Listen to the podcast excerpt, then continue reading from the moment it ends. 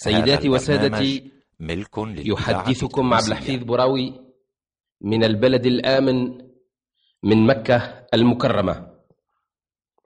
عقد المجلس التأسيسي لرابطة العالم الإسلامي يوم الأحد الفارط جلسته الافتتاحية بمكة المكرمة برئاسة صاحب السماحة الشيخ محمد بن إبراهيم آل الشيخ المفتي الأكبر للمملكة العربية السعودية وبحضور السيد الأمين العام للرابطة وأعضاء المجلس التأسيسي ومن بينهم العضو التونسي في المجلس فضيلة الشيخ محمد الفاضل بن عاشور وبقية أعضاء الوفد الموفد من قبل الرئيس الجليل لحبيب بورقيبة. وبدأت الجلسة بتلاوة ما تيسر من آية ذكر الحكيم ثم ألقى السيد رئيس المجلس كلمة بليغة رحب فيها بكافة الأعضاء ودعاهم للعمل لما فيه صلاح المسلمين وخيرهم وتمنى لهم التوفيق فيما اجتمعوا من أجله.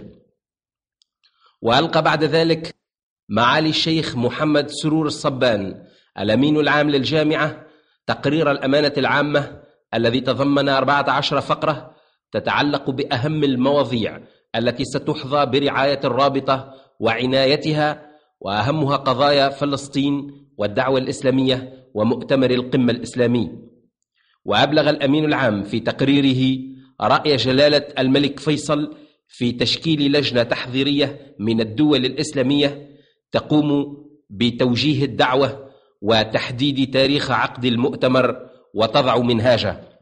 ورجى الأمين العام للرابطة أن يقترح المجلس تشكيل اللجنة التحضيرية واستأنف المجلس أعماله صباح الأحد برئاسة سماحة مفتي المملكة السعودية وقدم فضيلة الشيخ محمد الفاضل بن عاشور مفتي الديار التونسية في مستهل الجلسة أعضاء الوفد الذي جاء مكة ليمثل فخامة رئيس الجمهورية التونسية في أشغال المجلس التأسيسي والمتركب من السيدين محمود شرشور والدكتور الحبيب بالخوجة بالإضافة إلى رئيسه فضيلة الشيخ الفاضل بن عاشور. وقد رحب بهم سماحة رئيس المجلس بكلمة أعرب فيها عن شكره لفخامة الرئيس لحبيب بورقيبة على تأييده لأعمال رابطة العالم الإسلامي مؤكدا أن هذا العمل ما يدل على قوة التضامن والاتحاد بين المسلمين. ثم ألقى فضيلة الشيخ محمد الفاضل بن عاشور كلمة شكر فيها سماحة رئيس المجلس وأعضاءه والأمانة العامة للرابطة على حسن استقبالهم وحفاوتهم بالبعثة التونسية ثم تطرق إلى الحديث عن مهمة هذا الوفد المكلف من قبل فخامة الرئيس لحبيب بورقيبة لإبلاغ المجلس التأسيسي ما يكنه من تقدير لأعمال رابطة العالم الإسلامي لما تقوم به من خدمات جليلة للإسلام والمسلمين. وقال الشيخ الفاضل بن عاشور إن الشعب التونسي والحكومة التونسية وعلى رأسها فخامة الرئيس لحبيب بورقيبة يعلنون تأييدهم المطلق لدعوة التضامن وتوحيد كلمة المسلمين التي يدعو إليها حضرة صاحب الجلالة الملك فيصل المعظم لأنها دعوة حق. ثم تشكلت ثلاث لجان متفرعة عن المجلس لدراسة المواضيع التي ستحال عليها من نفس المجلس. وأوردت الإذاعة السعودية والتلفزة فقرات هامة من كلمة الشيخ بن عاشور وقدمت للمشاهدين السعوديين صورة حية عن هذا الحفل. وحلت بعد ظهور الأحد بعثة الشرف التونسية التي يقودها الأستاذ محمد بن سلامة وكان في استقبالها سعادة السيد موسى الرويسي سفير تونس بجدة والسادة محمد بن جارة ملحق بالسفارة وعبد السلام الزواغي وعدة شخصيات تونسية أخرى ورجال الصحافة السعودية الناطقة والمتلفزة والمكتوبة. وأقام سعادة السفير على شرفهم مأدوبة غداء توجهوا على إثرها إلى المدينة لزيارة الرسول الأعظم عليه أفضل الصلاة وأزكى التسليم. هذا وأذاعت محطة جدة مساء أمس الأول الخطاب الذي ألقاه فخامة الرئيس لحبيب بورقيبة عند استقباله يوم الجمعة الفارط للوفد الرسمي للحجيج التونسيين. كما نشرته يوم أمس كافة الصحف التي تصدر بالسعودية سواء بمكة أو المدينة أو جدة في صفحاتها الأولى المحلات بصور رئيسنا الجليل وأبرزته بعناوين حمراء على عرض أعمدتها جاء فيها. جريدة المدينة تقول وفد يمثل فخامة رئيس الجمهورية التونسية لحبيب بورقيبة يؤكد للمجلس التأسيسي للرابطة الإسلامية تأييد تونس المطلق لدعوة الفيصل إلى التضامن الإسلامي. الرئيس بورقيبة يشيد بالفيصل وبالتضامن الإسلامي. جريدة الندوة تونس تعلن تأييدها المطلق لدعوة التضامن الإسلامي.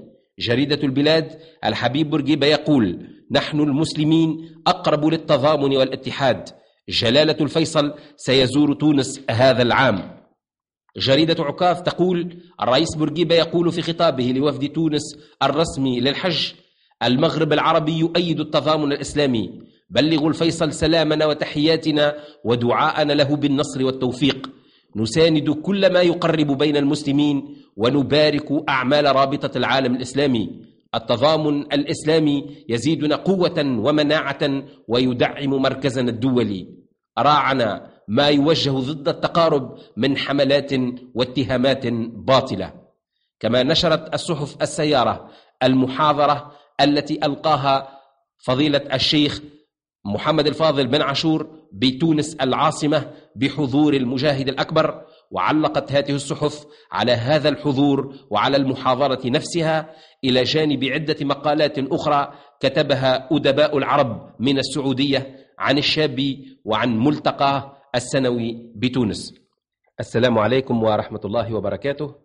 وفي قصر المعابدة حيث آه، تنعقد الجلسة الافتتاحية لرابطة العلم الإسلامي اتصلنا بفضيلة الشيخ الفاضل بن عاشور رئيس البعثة التونسية وطلبنا منه أن يدلي إلى مستمعي ومستمعات الإذاعة بانطباعاته حول هذه الدورة.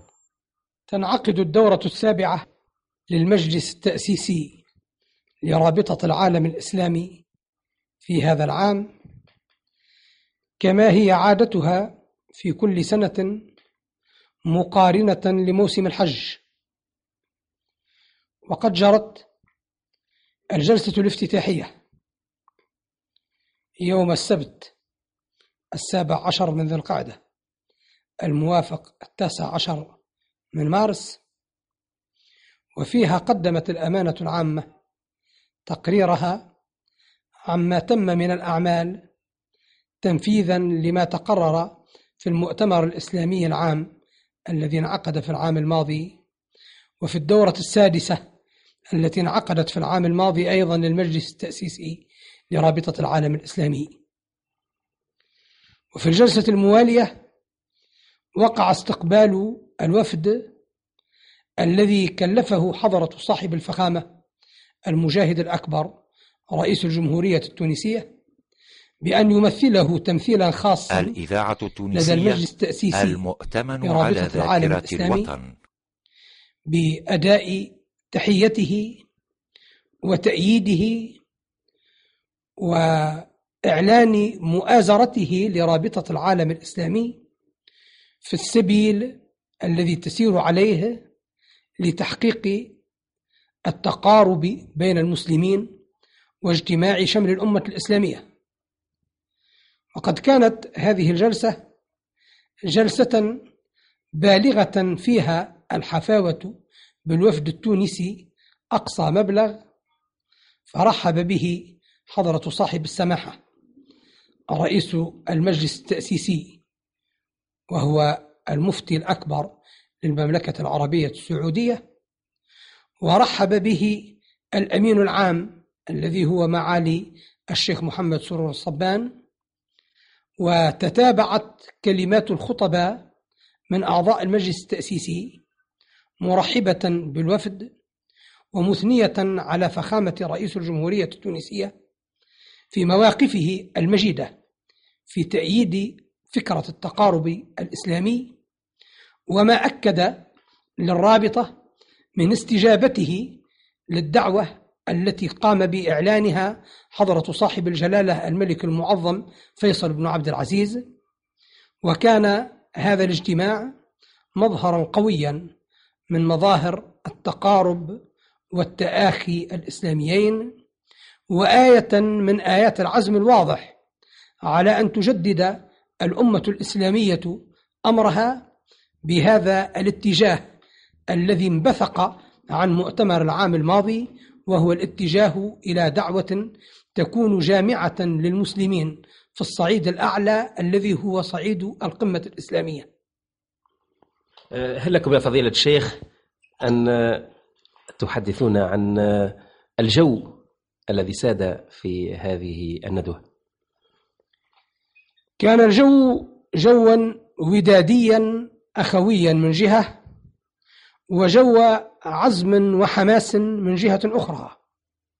فقد كان جميع المتكلمين مؤيدين ومثنين على ما ظهر به حضرة صاحب الفخامة رئيس الجمهورية التونسية من مبادرة مجيدة كما هو شأنه في المواقف الرشيدة لتأييد هذه الدعوة القويمة التي هي دعوة منبثقة من طبع كل مسلم زيادة على ما أكد جميع المتكلمين من أن الفكرة تعتز اعتزازا كبيرا بما لقيت من معاضدة حضرة صاحب الفخامة رئيس الجمهورية التونسية وأن الطريق قد أصبحت بهذه الاستجابة وأمثالها معبدة للوصول إلى الغاية التي تتحقق فيها بحول الله آمال المسلمين أجمعين.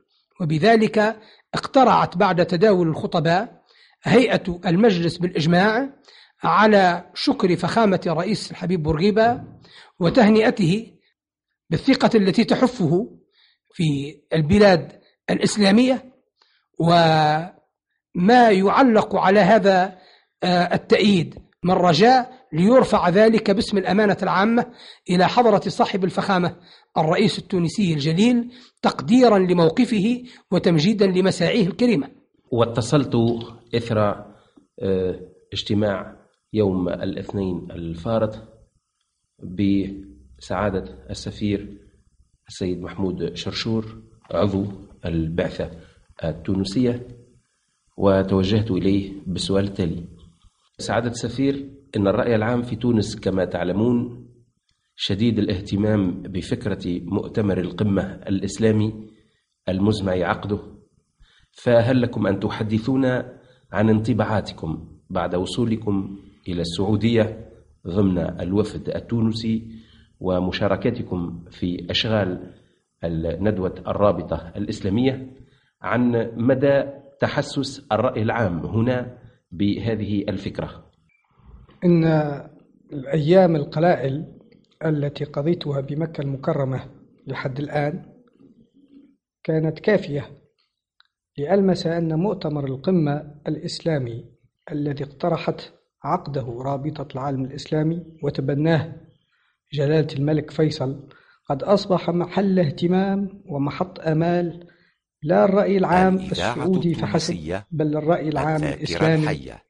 بتمامه وكماله ممثلا في هذا العدد العديد من آلاف الحجيج القادمين من كافة أنحاء العالم. يتجلى ذلك بوضوح في أحاديثهم وأسمارهم. فجميع الأوساط هنا يغمرها التفاؤل لهذا اللقاء الإسلامي على صعيد الرؤساء والملوك ويأملون أن يكون نقطة انطلاق لوحدة الصف الإسلامي وتضامن أقطاره وتعاونها في كافة المجالات. ومما يبهجني حقا أن تصريحات فخامة الرئيس المجاهد الأكبر الحبيب بورقيبة التي بارك فيها اجتماعات رابطة العالم الإسلامي وأيد فيها فكرة انعقاد مؤتمر القمة للرؤساء والملوك المسلمين قد قوبلت هنا بمزيد التقدير وقوت الثقة في نجاح المؤتمر المزمع عقده. فقد أعرب غير واحد من أعلام الرابطة عن اعتقاده بأن تأييد فخامة الرئيس للمؤتمر ومشاركته فيه سوف تكون خير ضمان لنجاحه. لما له من رصيد كبير في السياسة العالمية والمجالات الدولية.